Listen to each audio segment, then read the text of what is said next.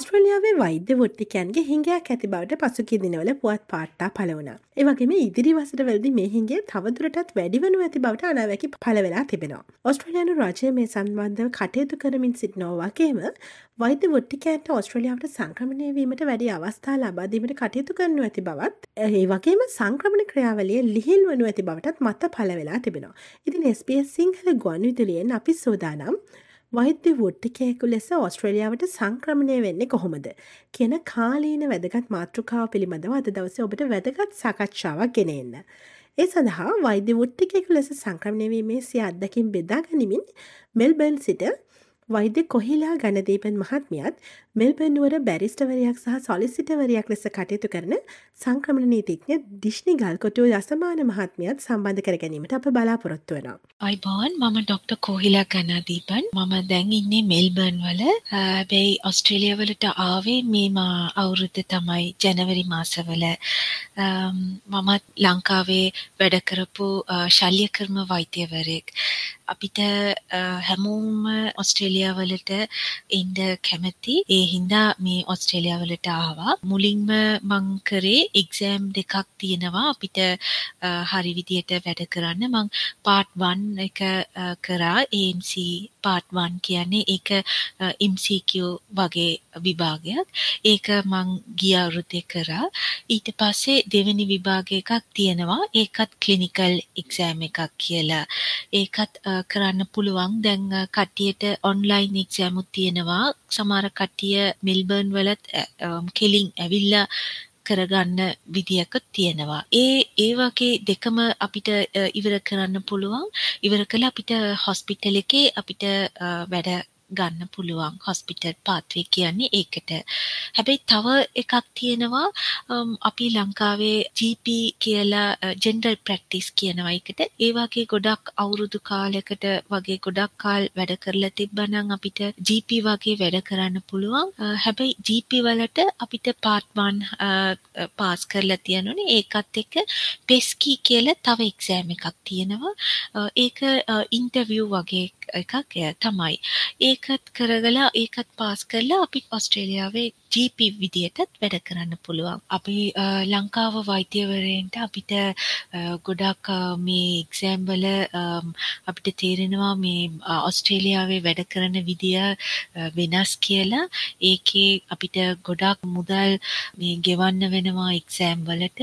ඒ හින්දා අපි හොඳටම මේ අපිව එක්සෑම් වලට ප්‍රිපෙයාර් කරලා ඒකේ කරන්න එක හරි වැදගත්. ඒකට උදාහරණයක් මට කියන්න පුළුවන්. ඔස්ට්‍රේලියන් මෙඩිකල් කවුන්සිල් එකේ රෙකග්නයිස්ඩ් කරපු ආයතනයක් තියෙනවා. මෙල්බර්න් එකේ ඒක ඒක නම අරින්ග්‍රාස් ඇකඩමි කියලා. ඒ වගේ තැනකින් අපිට උදාහරණයකට වගේ අපි ඒකේ ඉගෙනගෙන කෝස් එකක් කරලා අපිට පාඩම් කරන්න හරි ක්‍රමය ඉගෙනගෙන අපිට විභාග දෙන්න පුළුවන්. ඒක හරි වැදගත් අපිට එකපාරම විභාග ක්ලියර් කරන්න පුළුවන්. අපිට ඔස්ට්‍රේලියන් විදියට අපි කරන්න මේ ප්‍රැක්ටිස් එක අපිට තේරෙනවා. අපිට දැන් ආස්ට්‍රේලියන් මෙඩිකල් කවුන්සිල් එකේ රෙකග්නයිස් කරපු ගොඩක් තැන් අපිට තියෙනවා. උදාහරණයකට ගත්තොත් මෙල්බර්න් එකේ අපිට අරින්ග්‍රාස් ඇකඩමි කියලා තියෙනවා වගේම. වෙන සිඩ්නී පර්ත් එම වෙන වෙන තැන්වල අපිට වෙන වෙන කෝස් රෙකග්නයිස් කරපු හොඳ ඇකඩමිස් තියෙනවා. ඒ වගේ තැනකින් ඉගෙන ගන්න එක වැදගත්. අපිට එතකොට හරි ක්‍රමය අපිට තේරෙනවා. අපිට ඔස්ට්‍රේලියන් ඩොක්ටර්ස්ලා කොහොමද වැඩ කරනවා? ඒ ක්‍රමය ඔක්කොම අපිට ඉගෙන ගන්න පුළුවන්. Thank you. මෙළඟට අපත් සමඟ සම්බන්ධ වන්නේ මෙල්බර්න් නුවර සංක්‍රමණ නීතිඥ ඩිශ්නි ගල්කටුව අසමාන මහත්මිය. ආයිබුවන් කියල පිළිගන්න ඔබතුමියව අයිබුවන් අතිනේ. මම ඔබතුමියගෙන් මුලින්ම දැනගන්න කැමති වෛද්‍ය වෘත්තිකයන්ට ඔස්ට්‍රලියාවට සංක්‍රමණය වීමට තිබෙන වර්තමානය තිබෙන සුදුසුකම් මොනවද. ඕ අතින මේ වෛද්‍යවරයෙක්ට ඔස්ට්‍රේලියාවට සංක්‍රමණය වීමට තිබිය යුතු මූලිකම අවශ්‍ය සුදුසුකන් තමයි අනුමත කළ අනුග්‍රහයකෙක් ඔවුන්ට සිටීම. ඒ කියන්නේ යම්කිසි රෝහලකින් එහෙම නැත්නම් ඔස්ට්‍රේලියාව තුළ පවත්වාගෙන යන සායනයකින් වෛද්‍ය වෘත්තිකයෙකු අනුග්‍රහයකයෙක් වීම. ඒ වගේම වෛද්‍ය වෘත්තිකයන්ට හොඳ ඉංග්‍රීසි නිපුණතාවයක් තිබිය යුතු වෙනවා. ඒ වගේම ඔවුන් වෘත්තීය සුදුසුකම් සපුරා තිබිය යුතු වෙනවා. ඒ වගේම තවත් විශේෂ කාරණයක් තමයි මේ අයදුම් කරන වෛද්‍ය වෘත්තිකයන්ගේ වයස. ගොඩක් වෙලාවට ඔවුන්ට වයස අවුරුදු හතලිස් පහට අඩුවීම ගොඩක් මේ හොඳ වෙනවා. මොකද අවුරුදු හතලිස් පහට වැඩි වෙනවා නම් තකොට ඔවුන්ගේ අයුදුම්පත් සාර්ථක වෙන්න තියෙන ඉඩකඩ ටිකක් කෙන අඩු වෙනවා. ඒ වගේම දැන් මම කිව්වනේ ඉංග්‍රීසි නිපුණත්වය තියෙන්න ඕන කියලා. එතකොට ඒකට තියෙන කඩයිම තමයි IELTS කියන ටෙස්ට් එකෙන් 7 points.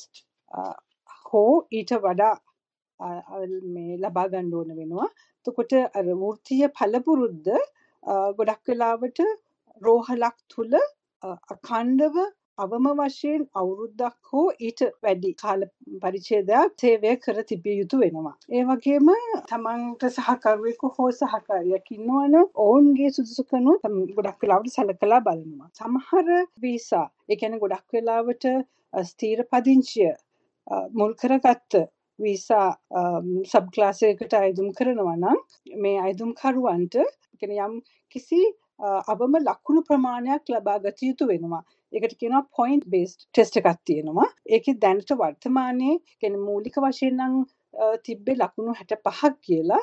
ඒකට දැන් වර්තමානයේ වෙනකොට අවම වශයෙන් ලකුණු 90ක් වත් මේ අයදුම් කරුවන් ලබා ගත යුතු වෙනවා. එතකොට ඒ ලකුණු ප්‍රමාණය වැඩි කර ගැනීම සඳහා එක එක ක්‍රම භාවිතා කරනවා. ඒ කියන්නේ දැන් ඉංග්‍රීසි භාෂාවට අමතරව තවත් භාෂාවක නිපුණත්වයක් තියෙනවා කියලා පෙන්වන්න පුළුවන් නම් එතකොට තව ලකුණු වැඩි කරගන්න පුළුවන් අවස්ථාවක් වෙනවා.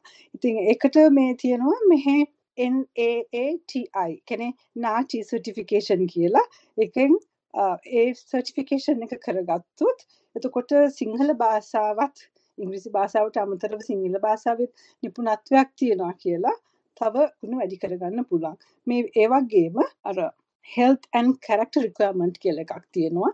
ඒ කියන්නේ ඔවුන් සෞඛ්‍ය සම්පන්න විය යුතුයි සහ කිසිම උසාවියක වැරදකරුවෙක් නොවූ පුද්ගලයෙක් කියන ඒ ඒ අවශ්‍යතාවයත් සපුරා තියන්න ඕන. ඉතින් මේ මූලික කාරණා තමා ගොඩක් වෙලාවට වෛද්‍යවරයෙක්ට ඔස්ට්‍රේලියානු වීසා එකකට අයදුම් කරන්න ඕන වෙන මූලික සුදුසුකම්. ඔබ යස්තමාන මහත්මිය ඔස්ට්‍රලියාවේ මේ පවුලේ වෛද්‍යවරුන්ට නැත්තම් ජනරල් ප්‍රක්ටිෂනර්ස් ලට තිබෙන ඉල්ලුම කොයාකාරයක් ගන්නවද. ඕවචනේ වර්තමානයේ ඔස්ට්‍රේලියාව තුළ ජනල් ප්‍රක්ටිෂනර්ස් ලගේ එහෙම නැත්තං පවුලේ වෛද්‍යවරුන්ගේ දැඩි හිංගයක් පවතිනවා. දැනට තියෙන දත්තවලට අනුව ඔස්ට්‍රේලියාව තුළ ඉදිරි වසර දහය ඇතුළත මේ ජනල් ප්‍රක්ටිෂනස්ලගේ ඉල්ලුම සියට හතලිහකින් වැඩි වෙනවා. ඒ වගේම විශේෂම කාරණය තමයි නගර අසන්න ප්‍රදේශවල මේ ඉල්ලුම සීයට පණහකින් වැඩි වෙනවා කියලා මේ දත්තවලට අනුව මේ අපිට දැනගන්නට ලැබෙනවා. ඔවු යසමාන මහත්මිය අප මීළඟට කතාබා කරමු මේ පවුලේ වෛද්‍යවරයකට එහෙම නැතම විවාහරය කෙන GP කෙනෙක්ට ඔස්ට්‍රලියයට සංක්‍රමණය වීමට තිබියයුතු අධ්‍යාපන සුදුසුකම් මොනවද. අතිනම හෙමයි මූලික මූලික සුදුසුකං මූලික සුදුසුකං ගැන කතා කළොත් වෛද්‍යවරයෙක්ට කියන්නේ ජනරල් ප්‍රක්ටිෂන කෙනෙක්ට මුලින්ම දැන් තීරණය කරනවා නම් ඔස්ට්‍රේලියයානු වීසා එකකට අයදුම් කරනවා කියලා. එගොල්ලෝ අනිවාර්යෙන්ම AMC කියන විභාගයේ පාට් 1 කර යුතු වෙනවා. ඒ වගේම ඉංග්ලිෂ් කම්පිටන්සි එක. කියන්නේ ඉංග්‍රීසි නිපුණතාවය සනාථ කරන්න කලින් සඳහන් කරපු IELTS හරි. ඔකියුපේෂනල් ඉංග්ලිෂ් ටෙස්ට් එක. හරි. ඒකට ඒගොල්ලෝ ඒ වගේම වෙන පිළිගත් පිළිගන්න වෙනත් ඉංගලිෂ් ටෙස්ට එකක් කරලා මේ අවශ්‍ය ලකුණු ටික ලකුණු ලබාගත යුතු වෙනවා. ඒ වගේම අර මංකිව විදිහට අනුග්‍රහයකයෙක්ව ලෑස්ති කරගන්න කරගන්න එකත් මේ හරිම මේ විශේෂ කාරණයක් වෙනවා. ඒ වගේම ස්පෙෂලිස්ට් එඩියුකේෂනල් කොලිෆිකේෂන්ස් කියලා මේ ටෙස්ට් එකක් තියෙනවා. එක මූලික බේසික් කලිනිකල් ටෙස්ට් එක. ඒකනුත් සමත් වෙලා තියෙන්න ඕන. එතකොට මේ කාරණා ටික මූලිකව කරගත්තට පස්සේ ස්කිල් ඇසෙස්මන්ට් එකක් කියලා තියෙනවා. ඒකට මේ මේ අර මං කලින් කියපු AMC පාර්ට් 1 එක ඉංග්ලිෂ් කම්පිටන්සි එක ඊට පස්සේ ස්පෙෂලිස්ට් එඩියුකේෂනල් ක්වොලිෆිකේෂන්ස් ටෙස්ට් එක සහ ස්පොන්සර් කෙනෙක් සූදානම් කරගෙන Australian medical medical board of Australia කියන ඇසෙසින් බොඩි එකෙන් ස්කිල් ඇසෙස්මන්ට් එකක් කරගන්න ඕන වෙනවා. ඉතින් ඒක තමා මූලිකවම කරගන්න ඕන. ඊට පස්සේ මෙඩිකල් බෝඩ් of ඔස්ට්‍රේලියා වලින් ස්කිල් ඇසෙස්මන්ට් එක කරලා එක පොසිටිව් අවුට්කම් එකක් ආවහම ඊට පස්සේ මේ අයිදුම් කරවන්න කරන්න තියෙන්නේ අර pre employment structural clinical interview කියලා එක්සෑම් එකක් තියෙනවා ඒකත් සමත් වෙන්න ඕන. ඊට පස්සේ මේ මේ ක්‍රියාදාමයේ තමයි යන්නේ. pre employment structural clinical interview එක සමත් වුණාට පස්සේ Australian Health Practitioner Regulation Authority කියන කියන්නේ AFRA කියලා තමයි මේ එක හඳුන්වන්නේ. ඒකේ ලියාපදිංචි වෙන්න ඕන. මේ මේ මේ මේ process එක complete වෙනකොට AFRA එකේ මේ අයදුම් කරුවන් ලියාපදිංචි කරගන්නවා. ඊට පස්සේ තමයි වීසා තමන් තෝරාගත්ත වීසා කැටගරි එකක් යටතේ වීසා එකකට ඉල්ලුම් කරන්න පුළුවන් වෙන්නේ. ඊට පස්සේ ට්‍රේනින් ප්‍රෝග්‍රම්ස් දෙකකට සම්බන්ධ වෙන්න පුළුවන් ඔස්ට්‍රේලියාව ඇතුලේ එකක් තමයි Royal Australian College of General Practice කියන ට්‍රේනින් ප්‍රෝග්‍රම් එක. එකට කියනවා RACGP කියලා. මේක කරන්නේ ඇත්තටම මේ ඔය ඔස්ට්‍රේලියාව තුළ පවත්වාගෙන යන සායනයක සේවය කරනවා නම් අනිවාර්යෙන්ම මේ RACGP කියන ට්‍රේනින් ප්‍රෝග්‍රම් එක තමයි ඉස්සෙල්ලම මේ ට්‍රේන් වෙන්න ඕන. ඒ වගේම යම් කිසි රෝහලකින් මේ අනුග්‍රහකත්වයක් දක්වලා තියෙනවා නම් ජෙනරල් ප්‍රැක්ටිෂනර්ට එයාට එතකොට තියෙනවා ට්‍රේනින් ප්‍රෝග්‍රෑම් එකක් ඇක්‍රම් කියලා. ඒ කියන්නේ Australian college of rural and remote medicine කියලා. යම්කිසි රෝහලකට සම්බන්ධව මේ සේවය කරනවා නම් එතකොට ඒ ජෙනරල් ප්‍රැක්ටිෂනර් ඇක්‍රම් කියන ට්‍රේනින් ප්‍රෝග්‍රෑම් එකේ මූලිකවම මේ පුහුණු වෙන්න ඕන ඔස්ට්‍රේලියාවේ සේවය කරන්න පටන් ගන්නකොට. මීට අමතරණී තවර තියෙනවා මේ පිටරටින් අර ෆෙලෝෂිප් ප්‍රෝග්‍රම් සඳහා ඔස්ට්‍රේලියාවට පැමිණෙන කන්සල්ටන්ස්ලා ට ඒගොල්ලොන්ඩ මේ පුළුවන් එගොල කොමත් එන්නේ කෙලින්ම ඔස්ට්‍රේලියාවේ රෝහලාක රෝහලක් තුළ සේවය කරන්න. එතකොට එහෙම එන කන්සල්ටන්ස්ලට ජූනිය ඩොක්ට කෙනෙක් විදිහට හරි ස්පෙශලිස්ට් ට්‍රේනී කෙනෙක් විදිහට මේ ඔස්ට්‍රේලියාව තුළ ඔස්ට්‍රේලියාවේ රෝහලක් තුළ කටයුතු කරන්න පුළුවන් හැබැයි මෙහෙම මේ විදිහට වැඩ කරන කන්සල්ටන්ස්ලට අර AMC කියන විභාගේ පාට්ටු එක අනිවාර්යෙන්ම සම්පූර්ණ කළ යුතුව තිබෙනවා. ඔමක් අවසාන වශයෙන් ඔබතුමින්ගෙන් දැනගන්න කැමති වෛද්‍ය වෘත්තිකයෙකු ලෙස පවුලේ වෛද්‍යවරයෙකු ලෙස ඔස්ට්‍රලියාවට සංක්‍රමණය වන කෙනෙක්ට සිර පදිංචිය ලබා ගැනීම සඳහා සපුරාලිය යුතු සුදුසුකම් මොනවද.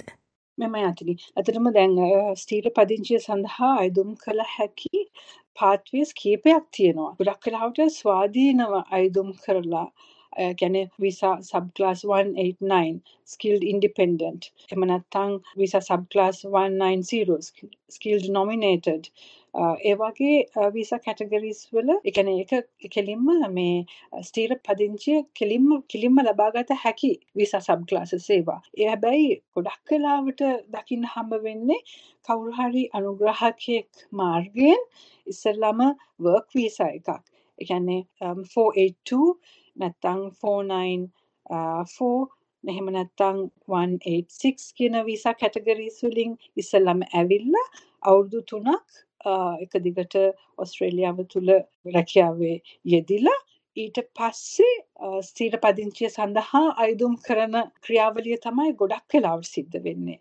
ඉතින් ඒ වගේම තව හොඳ පණිවිඩයකුත් තියෙනවා. ඒ කියන්නේ අලුතෙන් වීසා කැටගරි එකක් ඕපන් වෙනවා මේ අවුරුද්දේ නොවැම්බර් මාසේ 16 වෙනිදා ඉඳලා වීසා සබ් ක්ලාස් 191 මේකෙන් ගොඩක් වෙලාවට වෙන්නේ මේ වෙනකොටත් වීසා සබ් ක්ලාස් 482 එහෙම නැත්නම් 49 කියන විසා සබ් ක්ලාසස් වල ඉන්න කට්ටියට කෙලින්ම අවුරුදු තුනක් එක දිගට ඔස්ට්‍රේලියාව තුළ වෛද්‍ය සේවයේ නිරත වෙලා ඉන්නවා නම් එහෙම ඒ වගේ ඒ අයදුම් එහෙම අයදුම් කරුවන්ට අවුරුදු තුන සම්පූර්ණ කරාට පස්සේ මේ වීසා සබ් ක්ලාස් 191 යටතේ අයදුම් කරලා මේ ස්ථීර පදිංචිය ලබා ගන්න පුළුවන්. ඔස්ට්‍රේලියාවට සංක්‍රමණය වුණාට පස්සේ කියන්නේ වර්ක් වීසා එකකින් ඇවිල්ලා පසුව ස්ථීර පදිංචිය සඳහා අයදුම් කර හැකි වෙන්නේ මේ විදිහට. ඕ අපි අද දවසේ කතාබා කරමින් සිටිය වෛද්‍ය වෘත්තිකයෙකු ලෙස ඔස්ට්‍රලියාවට සංක්‍රමණය වන්නේ කොයි ආකාරයේද කියන කාලීන වැදගත් කාරණාව සම්බන්ධයෙන් අප සමග අද මෙතරතුරු බෙදහදා ගැනීමට සම්බන්ධ වනේ මෙල්බන්නුවර බැරිස්ටවරයක් සහ සොලිස්සිටවරයක් ලෙස කටයුතු කරන සංක්‍රමණ නීතිඥ දිශ්නය ගල්කොටුව අසමාන මහත්මිය. ඔබතුමට බෙහෙවෙන්ම සූතිවන්ත වෙනවා ස්පේස් සිංහල ගුවනුදිලිය සමඟ සම්බන්ධ වවාට. මව සම්බන්ධ කරගත්තටත් බොහොම ස්තුති අචනේ.